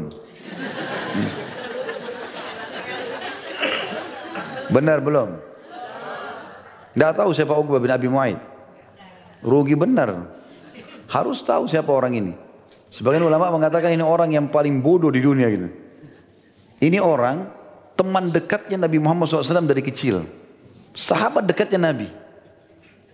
Tapi waktu Nabi dinobatkan jadi Nabi dan mengumandangkan Islam, dia belum mau masuk Islam. Dia belum mau masuk Islam. Saat itu dia undang Nabi ke rumahnya. Begitu datang ke rumahnya, dia undang ayah makan Muhammad. Kata Nabi SAW, saya nggak mau makan sampai kau syahadat. Nabi aja dia syahadat. Kalau kau syahadat saya mau makan. Maksudnya Nabi ini ingin tamak supaya dia masuk Islam. Karena ini tempatnya dari kecil. Kata Uqbah, sudahlah Muhammad, ini bukan saatnya kau sampaikan agamamu. Kata Nabi, saya tidak mau makan kalau kau tidak syahadat. Syahadat dia. Setelah syahadat, dia masuk Islam, tersebar berita. Salah satu tokoh Mekah masuk Islam. Rupanya si Uqbah ini punya sahabat. Saya lupa, kalau nggak salah Umayyah bin Khalaf. Salah satu orang kafir gitu. Atau Abu Jahal. Salah satunya. Lalu dia mengatakan, hai Uqbah, kau sudah tinggalkan agama nenek moyangmu? Kata Uqbah, tidak. Loh tersebar berita kau syahadat depan Muhammad. Dia bilang enggak, saya cuma enggak enak Muhammad tamu saya. Dia suruh saya syahadat untuk dia makan, maka saya syahadat. Kata dia, kalau begitu buktikan kalau kau tidak masuk Islam. Karena sekarang tersebar berita nih. Sekarang kau pergi ke dekat Ka'bah, Muhammad lagi ada di sana, bilang iklanin kalau kau bukan dalam agamanya dan saya mau kau ludahi wajahnya Muhammad. Begitu. Uqbah lakukan demi untuk menjaga persahabatannya dengan orang kafir sama dia. Dia datang, dia nyatakan lalu dia ludai. Pada saat itu Jibril bawa ayat Al-Quran. Ayat ini turun sementara Uqbah masih hidup. Bahwasanya dia pasti masuk neraka. Ya. Allah mengatakan, A'udhu binasyaitan yawma ya'addu dhalimu ala yadai. Nanti pada hari kiamat si zalim ini turun pada Uqbah. Dianggap oleh Allah zalim. Gitu kan? Sudah syahadat tinggalkan. Dia akan hari kiamat gigit jarinya. Yaqulu sambil dia berkata, Ya laitani takhadtu ma'ar rasuli sabila. Coba saya ikuti jalannya Rasul. Ya laitani lam attakhid fulanan khalila. Coba saya tidak jadikan fulan itu sebagai sahabat dekat saya. Laqad adallani ala dzikri ba'da idja'ani. Dia telah menyesatkan saya setelah datang kepada saya peringatan. Tidak boleh teman-teman. Kita boleh kenal semua orang iya. Sahabat dekat nggak bisa lagi. Kita sensitif. Hati kita ini peka. Dengar yang sedih kita sedih. Dengar yang senang kita senang. Gampang sekali. Saya sudah sering ingatkan telinga kita ini peka kita bisa bedain mana suara besar, suara kecil seketika. Mata kita bisa bedain mana terang, mana ya redup seketika. Ya, hidung kita bisa bedain busuk, wangi seketika. Seketika. Oh ini wangi, oh ini busuk seketika. Kita peka. Jangan bilang saya tidak terpengaruh, mustahil. Dulu majelis ilmu begini dua jam, terpengaruh pasti. Sebagaimana dulu dua jam di diskotik terpengaruh. Pasti. Gak mungkin tidak. Jangan bilang saya tidak terpengaruh, toh besok saya ikut pengajian, gak bisa. Iman itu kalau kita terus pupuk, ya seperti kue atau es krim yang kita lapis-lapisin terus. Dia makin numpuk-numpuk makin banyak gitu kan? Makin bagus. Tapi kalau tidak bapak ibu misalnya taruh es nih terus kemudian ditaruh lagi apa mungkin sesuatu yang panas atau kotoran baru nanti mau ditutupi lagi dengan es. Kotoran itu akan ada di situ. Nggak bisa dibiarkan nah itu adalah kotoran. Jangan dibiarkan. Bahasa saya yang lain dosa itu sebenarnya seperti racun. Amal soleh seperti susu kalau susu satu gelas seperti gelas air saya ini, ditetesin satu tetes saja racun, sudah cukup merusaknya. Dan subhanallah, sebenarnya obat racun susu. Tapi satu tetes susu, satu tetes racun tidak bisa diobati dengan satu gelas susu. Mungkin satu gentong pun belum tentu cukup. Padahal itu karena itu racun tadi, bahaya. Tidak usah dicoba gitu, tidak usah dilakukan. Pernah dilakukan sekarang bertobat, sekarang berpindah kepada yang lebih baik lagi. Saya udah pakai bahasa Indonesia ini. Saya harap bisa difahami. Ya. Jangan lagi keluar, oh kayaknya Ustadz. Ah, tadi Ustadz ngomong gitu, iya sih tapi. Tapi ini nggak ada lagi tapi-tapi. Jangan negosiasi. Gitu. Mau jadi orang baik harus seketika. Makanya teman-teman selalu yang menonjol itu. Saya lihat teman-teman saya prestasi di kampus dulu. Yang menonjol di ranking satu, juara satu, juara dua. Memang punya prinsip mereka. Apa pun godaan teman-teman yang lain, malas-malasan, pergi jalan-jalan, dia nggak mau ikut. Dia tetap mau begitu. Betul, ranking satu, juara satu. Dia komitmen dengan itu. Maka jadi baik dia. Selanjutnya Ibnu Qayyim berkata rahimahullah, jika dia tahu demikian, lalu seorang hamba menganggap kecil kemaksiatan, ya betul sampai sini ya, ya. Ibnu Qayyim berkata rahimahullah, Ibnu Qayyim ini muridnya Ibnu Taimiyah ya. Dia berkata jika dia tahu demikian lalu seorang hamba menganggap remeh atau menganggap kecil kemaksiatan tersebut itu berarti kelancangan terhadap Allah. Tidak mengetahui kedudukan siapa yang dia maksiati dan haknya. Yang besar kata ganti Allah itu tidak lain adalah perlawanan. Karena jika dia menganggap kecil dan sedikit kemaksiatan tersebut, maka perkara kemaksiatan itu kecil baginya dan ringan dalam hatinya. Dan ini adalah salah satu bentuk perlawanan. Oleh karena itu saudaraku yang mulia kata beliau, betapa banyak perkataan yang kita ucapkan yang tidak kita fikirkan akibatnya. Yang isinya berkisar antara mengolok-olok sama muslim, mencibirnya dan melecehkan kehormatannya atau kata-kata yang tidak benar. Ditambah lagi pandangan yang liar, tidak sempurna dalam mengerjakan kewajiban yang tidak perlu yang tidak kita pedulikan. Demikianlah sehingga melahirkan air bah yang dahsyat. Setelah itu kita bertanya, mengapa hati kita keras? Ya. Saya lanjutkan dengan satu subjudul lagi insya Allah. Masalah berhati-hatilah dari mujahara atau terang-terangan berbuat dosa. Karena ini saya lihat masih connect bahasannya. Nanti insya Allah setelah itu baru ada bahasan tentang masalah taubat yang tulus dan jujur. Kata penulis di sini, sebagaimana halnya ketaatan itu berbeda-beda, tingkatan dan derajatnya, tergantung amal itu sendiri, pelakunya, waktunya, dan apakah dilakukan secara tersembunyi atau terang-terangan, demikian pula kemaksiatan. Satu kemaksiatan yang sama, balasan dan dosanya pun berbeda-beda. Tergantung pelakunya, kemuliaan waktu, tepat, dan juga apakah dilakukan secara terang-terangan atau tersembunyi. Jadi misalnya gini, kita sholat di Mekah, 100 ribu pahala. Beda dengan sholat di Indonesia, otomatis itu. Berarti kan sama kasusnya kita sholat duhur di Mekah, sholat suruh sama, sama judulnya sholat duhur. Tapi pahalanya beda, karena ada kemuliaan tempat. Gitu kan. Begitu juga dengan masalah orang yang bersedekah. Beda orang yang bersedekah, dia tidak punya lagi uang kecuali itu. Dengan orang yang banyak uang tapi dia bersedekah, beda pahalanya. Karena pernah ada sahabat bawa satu dirham ditaruh di atas meja, di, di atas lantai masjid dia mengatakan ya Rasulullah ini karena Allah. Yang satu bawa 100 atau 1000 dirham. Ini ya Rasulullah karena Allah. Kata Nabi SAW, Allahu Akbar, Allah Maha Besar. Satu dirham mengalahkan pahalanya ini. 100 atau 1000 dirham tadi. Kata para sahabat, ya Rasulullah bagaimana kami memahami itu? Kata Nabi SAW, yang menyumbang satu dirham, nggak punya kecuali itu. Maka Allah catat dia pahalanya Ya, dengan kemahamurahan Allah tentunya, Allah catat pahalanya seperti bersedekah seluruh hartanya. Sementara orang yang punya tadi 100 ribu dirham itu punya banyak harta yang nilainya ini tidak seberapa gitu. Di sini ada perbedaan, judulnya sama-sama sedekah. Tapi ternyata yang satu sedekah walaupun kecil di mata manusia, tapi karena dia mengeluarkan semua yang dia miliki, walaupun kecil maka besar di mata Allah Subhanahu wa taala. Seperti itulah jadi ada kepekaan-kepekaan dalam penilaian tempat, waktu dan seterusnya. Begitu juga dengan dosa ya. Beda kalau kita buat dosa sini sama buat dosa di Mekah. Beda. Kita buat dosa di Madinah misalnya di wilayah haram, beda dosanya gitu. Itu dikatakan dalam paragraf pertama ini. Kata beliau, nas-nas syariat telah menunjukkan bahwa kemaksiatan ditutupi oleh pelakunya lebih ringan dosanya daripada orang yang orang-orang yang dibeberkan atau membeberkannya. Sama juga kalau kita buat dosa, kalau ada orang buat dosa lalu antara dia sama Allah. Berzina dosa besar.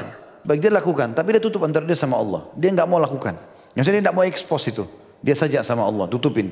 Beda dengan orang yang sudah buat dosa, dia beberkan lagi. Sampai kata Nabi SAW, semua umatku dimaafkan kecuali al-mujahirun. Orang yang sengaja mengekspos dosanya. Ada orang begitu, minum khamar dosa. Dia ekspos lagi di medsosnya dia. Lagi minum khamar, lagi begini, lagi begitu. Dari Abu Hurairah radhiyallahu anhu bahwasanya dia berkata, aku mendengar Rasulullah SAW bersabda, "Kullu ummatin mu'afan illa al-mujahirin, wa inna minal mujahara ay ya'mal ar-rajulu bil-laili 'amala." ثم يصبح وقد qad الله فيقول يا فلان عملت البارحة كذا وكذا وقد بات wa ربه bata yasturuhu rabbahu atau rabbuhu wa yusbihu semua umatku bisa dimaafkan kecuali orang-orang yang melakukan dosa secara terang-terangan. Dan sungguhnya termasuk melakukan dosa secara terang-terangan ialah seseorang melakukan satu perbuatan buruk pada malam hari dia zina, dia mencuri, dia apa saja malam hari Kemudian pada pagi hari dosanya telah ditutupi oleh Allah namun dia sendiri yang berkata pada teman-temannya, "Wahai fulan, tadi malam aku telah melakukan begini dan begitu." Atau demikian dan demikian. Pada hari pada malam hari Tuhannya telah menutupi kesalahannya, tapi pada pagi hari dia malam membuka tabir Allah yang menutupinya. Hadis riwayat Bukhari nomor 6069 dan Muslim 2990. Dan ini termasuk hal yang tidak dimaafkan oleh Allah. Ya nggak boleh ekspos, nggak boleh berbangga dengan dosa itu. Selalu kita merasa salah itu dan kita tutupi antara kita sama Allah Subhanahu Jangan pernah ceritakan orang. Allah nggak buka, jangan kita ceritakan. Al-Bukhari telah memasukkan hadis ini ke dalam bab satr al-mu'min ala nafsih atau terjemahannya upaya seorang mukmin menutupi dosanya sendiri. Beliau juga mengemukakan dalam bab ini hadis Ibnu Umar radhiyallahu anhuma anna rajulan sa'alahu kaifa sami'ta Rasulullah SAW yaqul fi najwa qala yadnu ahadukum min rabbih hatta yadha kanafahu alayhi fayaqul amilta kada wa kada fayaqul na'am ويقول عملت كذا وكذا فيقول نعم فيكرره ثم يقول إني سترت عليك في الدنيا فأنا أكفرها laka al-yawm. Artinya bahwa seseorang telah bertanya kepada Abdullah bin Umar, kepadanya maksudnya Abdullah bin Umar radhiyallahu anhu, bagaimana engkau mendengarkan Rasulullah SAW bersabda tentang berbisik? Maksudnya ada ada hadis bahwasanya Allah akan berbisik dengan hambanya pada hari kiamat atau berbicara dengan hambanya gitu kan. Maka orang ini mau tanya, tanya apa yang dimaksud dengan Allah akan berbicara atau berbisik dengan hambanya? Maka Abdullah bin Umar menjawab, Nabi bersabda, pernah menyampaikan, salah seorang dari kalian akan berada dekat dengan dari Tuhannya sehingga dia letakkan tirainya di atasnya. Masya Allah tutupi dia di hari kiamat. Dia dipanggil berbicara sama Allah.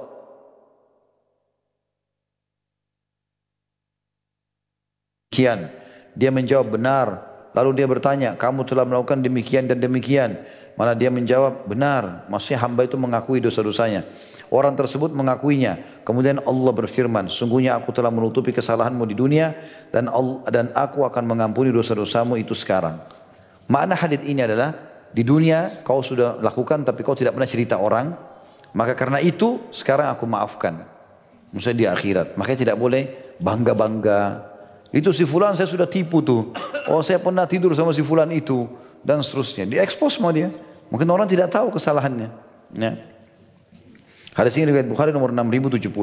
Ketika Allah menguji salah seorang hambanya sehingga dia dikalahkan oleh nafsunya yang mengajak kepada keburukan dan mengajaknya untuk melakukan kemaksiatan dan mengerjakan perbuatan haram dan dia bersembunyi dari orang-orang yang menutupkan tabir yang menutupi dirinya ketika itulah hendaklah dia menutupi dirinya dengan tabir Allah dan tidak menyibak tabir tersebut. Artinya paragraf ini kalau ada orang sampai terjun pada dosa dan Allah tidak buka itu kepada orang-orang maka tidak ada orang yang tahu kesalahannya, paling tidak dia harus menutupi diri dia dengan antara dia Allah SWT. Jangan dia buka tabirnya Allah itu, di mana Allah sudah tutupi kesalahannya. Orang mukmin yang takut kepada Tuhannya mengagungkan serta memuliakannya. Jika dirinya terjerumus dalam kemaksiatan dan akhirnya melakukan apa yang dia lakukan maka dia membenci kemaksiatan tersebut dan dia tidak menceritakan hal itu kepada orang yang dekat ataupun apalagi orang yang jauh. Lalu bagaimana mungkin dia bercerita bahwa dirinya telah melakukan dosa demikian dan demikian. Semakna dengan ucapan, wahai fulan, tadi malam aku telah melakukan demikian dan demikian. Ialah apa yang dilakukan sebagian muda ketika berjumpa sahabat atau saudaranya. Dia bercerita kepadanya, bukan untuk membangga-banggakan dan melawan Allah dengan kemaksiatan, tapi dia membungkus hal itu dengan bungkus pengaduan dan disertai dengan pertanyaan mengenai solusi serta mencari jalan keluar. Perbuatan tersebut di samping bertentangan dengan adab syar'i dan menyibak tabir Allah, dia juga menciptakan keteladanan yang buruk atau menganggap menganggap ringan kemaksiatan di hadapan orang lain. Maksudnya kalau ada orang buat dosa, sementara Allah tutupi, ada orang pada saat dia faham pun riwayat ini dia mengatakan, enggak, saya sebenarnya bukan bukan buka aib saya, saya hanya mau cerita. Gitu kan? Maka di sini penulis mengatakan, perbuatan tersebut di samping bertentangan dengan adab syar'i juga menyibak tabirnya Allah. Allah kan sudah tutupi. Saya pernah bilang teman-teman, kalau curhat hanya kepada Allah, konsultasi pada ahlinya iya. Pada ustadz, ustazah iya, konsultasi sama mereka. Sakit pada dokter. Bukan semua orang ini. Kalau semua orang diajak ngomong ini jadi masalah. Bahkan ada yang unik kadang-kadang orang tanya masalah rumah tangga kepada orang yang gagal rumah tangga. Bagaimana bisa? Apa yang akan dia berikan masukan? Cerai seperti dia kan gitu. Atau orang tanya tentang sukses usaha tapi pada orang yang gagal, bangkrut. Nggak bakal bisa. Kalau ada orang rumah tangga sampai 70 tahun suami istri tidak cerai, nah itu dijadikan contoh, datang ke dia tanya. Jadi kan itu pengalaman, bagus gitu. Bukan orang yang gagal di sini. Saya ulangi kata beliau, perbuatan seperti ini Di samping bertentangan dengan adab syar'i dan menyibak tabir Allah, dia juga menciptakan keteladanan yang buruk atau menganggap ringan kemaksiatan di hadapan orang lain. Ketika pelaku perbuatan itu jiwanya tertimpa penyakit, maka dia melakukan hal itu atau selainnya dengan beralasan karena keterbatasan dirinya, dengan mengingatkan dirinya bahwa si fulan pernah melakukannya dan demikian pula kebanyakan pemuda meskipun keseluruhannya. Inilah yang diungkapkan lisan keadaannya meskipun bukan dengan lisan mulutnya. Ya. Di samping menampakkan kemaksiatan dan keteladanan yang buruk, maka sahabatnya tak kalah melakukan kemaksiatan tersebut akan ganti mengadu kepadanya dan bersekutu bersamanya dalam rahasia. Akhirnya, dua orang tersebut saling bersekutu dalam perkara yang sama, yakni dalam hal saling mengadu. Kemudian permasalahannya berubah menjadi tolong menolong dalam dosa dan permusuhan serta bekerja sama maksiatan. Betapa banyak perilaku ini menjadi faktor penyimpangan sebagian pemuda dan kesesatan mereka, padahal sebelumnya mereka istiqomah dan mendapat petunjuk. Semakna juga dengan ucapan ini, aku tanda kutip, aku telah melakukan demikian dan demikian tadi malam. Ialah pengaduan seorang pemuda kepada orang yang lebih tua usianya dan lebih matang ilmunya dari kalangan yang selalu dia lihat setiap saat. Sikap ini meskipun pengaduan untuk solusi dari eh, dan nasihat namun ini bertentangan dengan adab syar'i dan logika rasa malu yang senantiasa membawa kebaikan. Hari berganti hari, sementara orang tersebut telah menjauhi kebodohannya dan tidak lagi bermaksud kepada Tuhannya, tapi dia merasa bahwa gambaran kemaksiatan tersebut telah terpatri dalam ingatan sahabatnya yang akan tetap abadi, tidak dapat dihapus oleh hari-hari dan tidak pula terkubur oleh kelupaan. Jadi kalau misalnya teman-teman buka buat maksiat, ini makna paragraf semua tadi. Kalau kita buat dosa lalu kita cerita sama orang, Anggap kita cuma mau curhat saja sama dia. Dia bukan ahlinya. Bukan orang yang faham agama bisa berikan solusi. Dia cerita-cerita. Mungkin dia dengan ilmu yang terbatas dia mengatakan, ya kau kan normal-normal saja. Kau kan masih muda. Kau kan begini dan begitu. Bisa saling dukung di sini. Akhirnya dua-duanya bisa mendukung perbuatan maksiat itu. Dia pun nanti temannya kalau buat masalah juga curhat sama dia. Teruslah mereka saling dukung-mendukung dalam kemaksiatan. Gitu kan? Yang lebih parah sekarang, anggap berjalan waktu dia taubat kepada Allah. Bagaimana temannya yang pernah diajak curhat yang sudah menganggap perbuatan itu boleh-boleh saja. Maka di sini dia punya PR baru lagi. Bagaimana harus memperbaiki teman-temannya supaya tidak jadi dosa jariah buat dia. Kan itu rentetan kenapa? Karena awal sudah mulai banyak cerita kepada orang-orang. Ada orang teman-teman saya lihat subhanallah ini, ini tanda ini bahasa kiasan aja ya. Dia lewat seperti tanpa pakaian udah. Semua orang tahu siapa masalah apa masalah dia. Karena semua orang diceritakan sama dia. Walaupun dia bilang, saya mau cerita tentang rumah tangga saya, tapi jangan cerita orang lain ya. Nah, ini juga jangan cerita orang lain. Ini juga jangan cerita. Semua orang diceritain. Lalu dia jalan seperti tanpa pakaian. Orang semua tahu masalahnya. Satu waktu dia baikan sama pasangannya malu sendiri. Hmm? Orang semua tahu, oh si fulan bukan yang ribut itu hari. Ya. Misal contoh. Karena itu kata beliau, ada bimbingan nabawi yang mulia.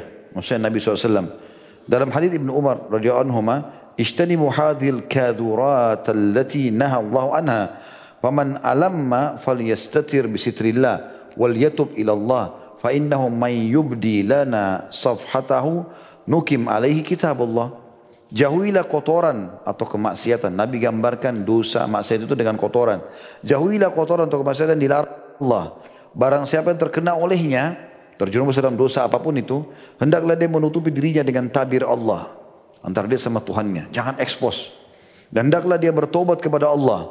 Karena sungguhnya barang siapa yang menampakkan kepada kami lembaran kesalahannya, maka pasti kami tegakkan kitab Allah terhadapnya. Dalam kitab atau riwayat Al-Hakim jadi tempat halaman 425. Jadi maksudnya Nabi SAW ingatkan, dalam Islam itu begini teman-teman, kalau orang kepergok buat dosa, di saat itu kalau berdiri tegaknya hujah, ada saksi segala macam baru ditegakkan hukum. Kalau tidak tegak padanya hujah, misal seseorang pernah berzina dulu, dia pernah mabuk, nggak ada yang tahu. Nggak ada dalam Islam datang kepada ustaz atau kiai, saya pernah zina, bersihkan saya, lakukan ini, lakukan itu. Nggak ada. Antara bapak ibu sama Allah.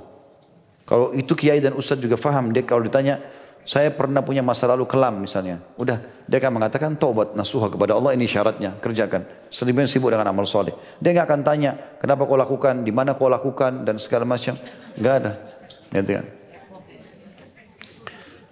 Juga riwayat lain dari Ubadah bin Samit radhiyallahu seseorang yang ikut serta dalam perang Badar dan salah satu pemimpin dalam Bayat Aqabah bahwa Rasulullah SAW bersabda sementara di sekelilingnya terdapat segolongan sahabat beliau بايعوني على ألا تشركوا بالله شيئا ولا تسرقوا ولا تزنوا ولا تقتلوا أولادكم ولا تأتوا ببهتان تفترونه بين أيديكم وأرجلكم ولا تعصوا في معروف ومن وفى منكم فأجروا على الله ومن أصاب من ذلك شيء فأوقب بالدنيا فأوقب بالدنيا به فهو كفارة له ومن أصاب من ذلك شيء ثم ثم ستره الله فهو فهو إلى الله إن شاء الله عفى عنه وإن شاء wa insya aqabahu ala dhalik. Kata sahabat yang mulia ini, Nabi SAW pernah bersabda kepada kami semua di bayat. Bayat itu janji setia yang diambil di Mekah sebelum hijrah ke Madinah. Pernah ada janji setia Nabi ambil dari para sahabat supaya mereka betul-betul beriman, komitmen dengan imannya dan juga hidup mati di atas agama Islam ini. Maka kata Nabi berbayatlah kepadaku. Janji sekarang. Bahwasanya kalian tidak akan menyekutukan sesuatu pun dengan Allah. Allah murni, memohon kepadanya tidak boleh ada sekutu. Gak ada jimat, gak ada batu, gak ada pohon keramat. Ada apa-apa minta sama Allah langsung. Tidak ada mencuri, tidak akan berzina, tidak akan membunuh anak-anak kalian. Nah, ini termasuk aborsi ya. Tidak akan melakukan kedustaan yang kalian lakukan di antara kedua tangan dan kaki kalian. Ini kalau sudah buat, akui, selesai. Jangan terus berdusta. Dan tidak akan membangkang dari dalam kebajikan. Barang siapa yang menepatinya dari kalian maka pahalanya di sisi Allah dan barang siapa yang melakukan sesuatu dari hal itu lalu dia dihukum di dunia karenanya maka itu adalah tebusan baginya. Maksudnya kalau ada orang buat dosa Allah datangkan hukumannya dia sakit, ditipu orang segala macam, maka sudah menjadi pembersihan atas dosa-dosanya. Dan barang siapa yang melakukan sesuatu dari hal itu kemudian Allah menutupinya, maka urusannya terserah Allah. Jika Allah berkehendak maka dia Allah akan memaafkannya dan jika dia berkehendak maka dia akan menghukumnya. Lalu Ubadah berkata, radhiyallahu anhu kami uh, maka kami membaiat beliau di atas hal itu. Hadis riwayat Bukhari nomor 18 ya. Ini namanya uh, potongan hadis terakhir ini namanya tahta masyiah. Di bawah naungan Allah. Jadi kalau Allah mau Allah maafkan, kalau Allah mau Allah siksa ya. Jadi pemahaman kita ahli sunnah wal jamaah semua orang yang berbuat maksiat selama bukan kafir maka tidak bisa langsung kita fonis ke neraka. Dia masih di bawah masyiannya Allah. Allah memaafkan Allah, Allah hukum, Allah hukum. Seperti itulah. Adapun riwayat mengenai kedatangan sebagian sahabat Nabi kepada beliau guna mengadukan perbuatan dosa yang mereka lakukan maka itu sifatnya khusus. Sedangkan kaidahnya kaidah adalah sebaliknya. Kemudian nampak dari redaksi sebagian peristiwa itu bahwa orang yang mengadu itu ada kalanya tidak tahu bahwa dia dapat bertaubat atau bertanya mengenai kafara dan apa yang menjadi konsekuensinya. Bahkan dalam sebagian peristiwa tersebut para sahabat mengingkari perbuatan orang yang bertanya itu dan memerintahkannya agar agar dia menutupi kesalahannya yang menunjukkan bahwa ini adalah prinsip yang bersifat tetap di kalangan mereka. Sementara yang keluar dari prinsip tersebut, maka itu bersifat khusus dan tidak mempengaruhi kaidah yang umum. Jadi maksudnya, ada kan kasus kalau Bapak Ibu pernah dengar, ada sahabat Nabi pernah datang mengadu. Ya Rasulullah, saya pernah mencium seorang wanita. Ada yang mengatakan, ya Rasulullah, saya pernah berzina. Ya Rasulullah, saya pernah mabuk, gini gitu. Nah, kasus ini adalah kasus-kasus pribadi. Bukan dijadikan sebagai tolok ukur. Bukan berarti kita bilang sahabat aja pernah mengaku ngaku sama Nabi kok. Berarti kita juga bisa ngaku sama ustadz atau kiai. Enggak. Bukan itu. Karena ini kasuistik terjadi kata beliau. Terbatas sekali. Itu pun memang Allah subhanahu wa ta'ala mudahkan mereka datang mengeluh supaya menjadi sebuah hukum nanti bagi umat Islam. Turun wahyu yang meluruskan atau memberikan solusi bagi mereka. Tapi umumnya sahabat-sahabat faham semua dosa Nabi perintahkan supaya ditutupi. Enggak boleh di expose gitu. Dua paragraf terakhir. Sebaliknya tak kala seorang pemuda diuji dengan kemaksiatan hendaklah dia menutupi dirinya dengan tabir Allah dan berusaha sekuat tenaga untuk meninggalkan kemaksiatan tersebut ketika dia merasa kesulitan dan butuh orang yang dapat membantunya dan menerangi jalannya barulah dia bertanya kepada orang yang orang yang tidak mengenalnya baik secara lisan, telepon maupun surat atau kepada orang yang mengenalnya tapi tidak memiliki hubungan tertentu dengannya atau mencari penjelasan mengenai hal itu dari para ulama baik yang tertulis maupun rekaman. Adapun bila semua pintu itu tertutup dan dia terlihat atau melihat dirinya di antara dua pilihan, kemaksiatan terus berjalan atau menghancurkan dirinya atau meminta saran teman dekatnya yang dia ketahui memiliki solusi dan obat dengan izin Allah, maka itu tetap sifatnya khusus. Tidak boleh menjadi kaidah umum dan arahan yang terus dilakukan. Wallahu alam. Maksudnya kalau betul-betul teman-teman punya maksiat, lalu belum tahu solusinya, harus menyampaikan kepada seseorang pun, dia harus pilih orang tertentu. Itu pun darurat sekali. Dia hanya menceritakannya untuk mendapatkan solusi saja dari permasalahannya. Ingat teman-teman permasalahan rumah tangga kita yang kita jalani 10 tahun, 15 tahun. Kalau kita ceritakan pada seseorang dalam hitungan setengah jam, satu jam. Lalu dia mau kita simpulkan yang 10 tahun itu di satu jam. Dia akan kasih solusi yang satu jam saja. Tidak akan ada kaidah yang lain, tidak ada jawaban yang lain. Karena dia akan simpulkan seperti itu. Jadi kalau kita curhat, apalagi kalau banyak kepada orang, ini punya, ini tangkapnya dengan pemahaman A, ini pemahaman B, ini pemahaman C, ini pemahaman D. Makin tumpuk di kepala dia dan tidak mendapatkan solusinya. Sekali lagi, rusaknya hubungan dengan makhluk adalah karena rusaknya hubungan sama Allah. Coba uduk, sholat, taubat kepada Allah, Allah akan perbaiki semuanya. Gak usah repot-repot habisin waktu urus dengan manusia. Muhasabah. Setelah taubat kepada Allah, ada haknya manusia kembalikan kepada hak dia minta maaf. Selesai. Setelah itu kita perbaiki. Hanya sampai ajal datang. Itu sangat terbatas. Penyesalan selalu datang di belakang, maka hati-hatilah teman-teman sekalian. Allahu a'lam. Baik begitu saja. Subhanakallahumma bihamdika. Asyhadu an la ilaha illa anta astaghfiruka wa atubu ilaik. Assalamualaikum warahmatullahi wabarakatuh.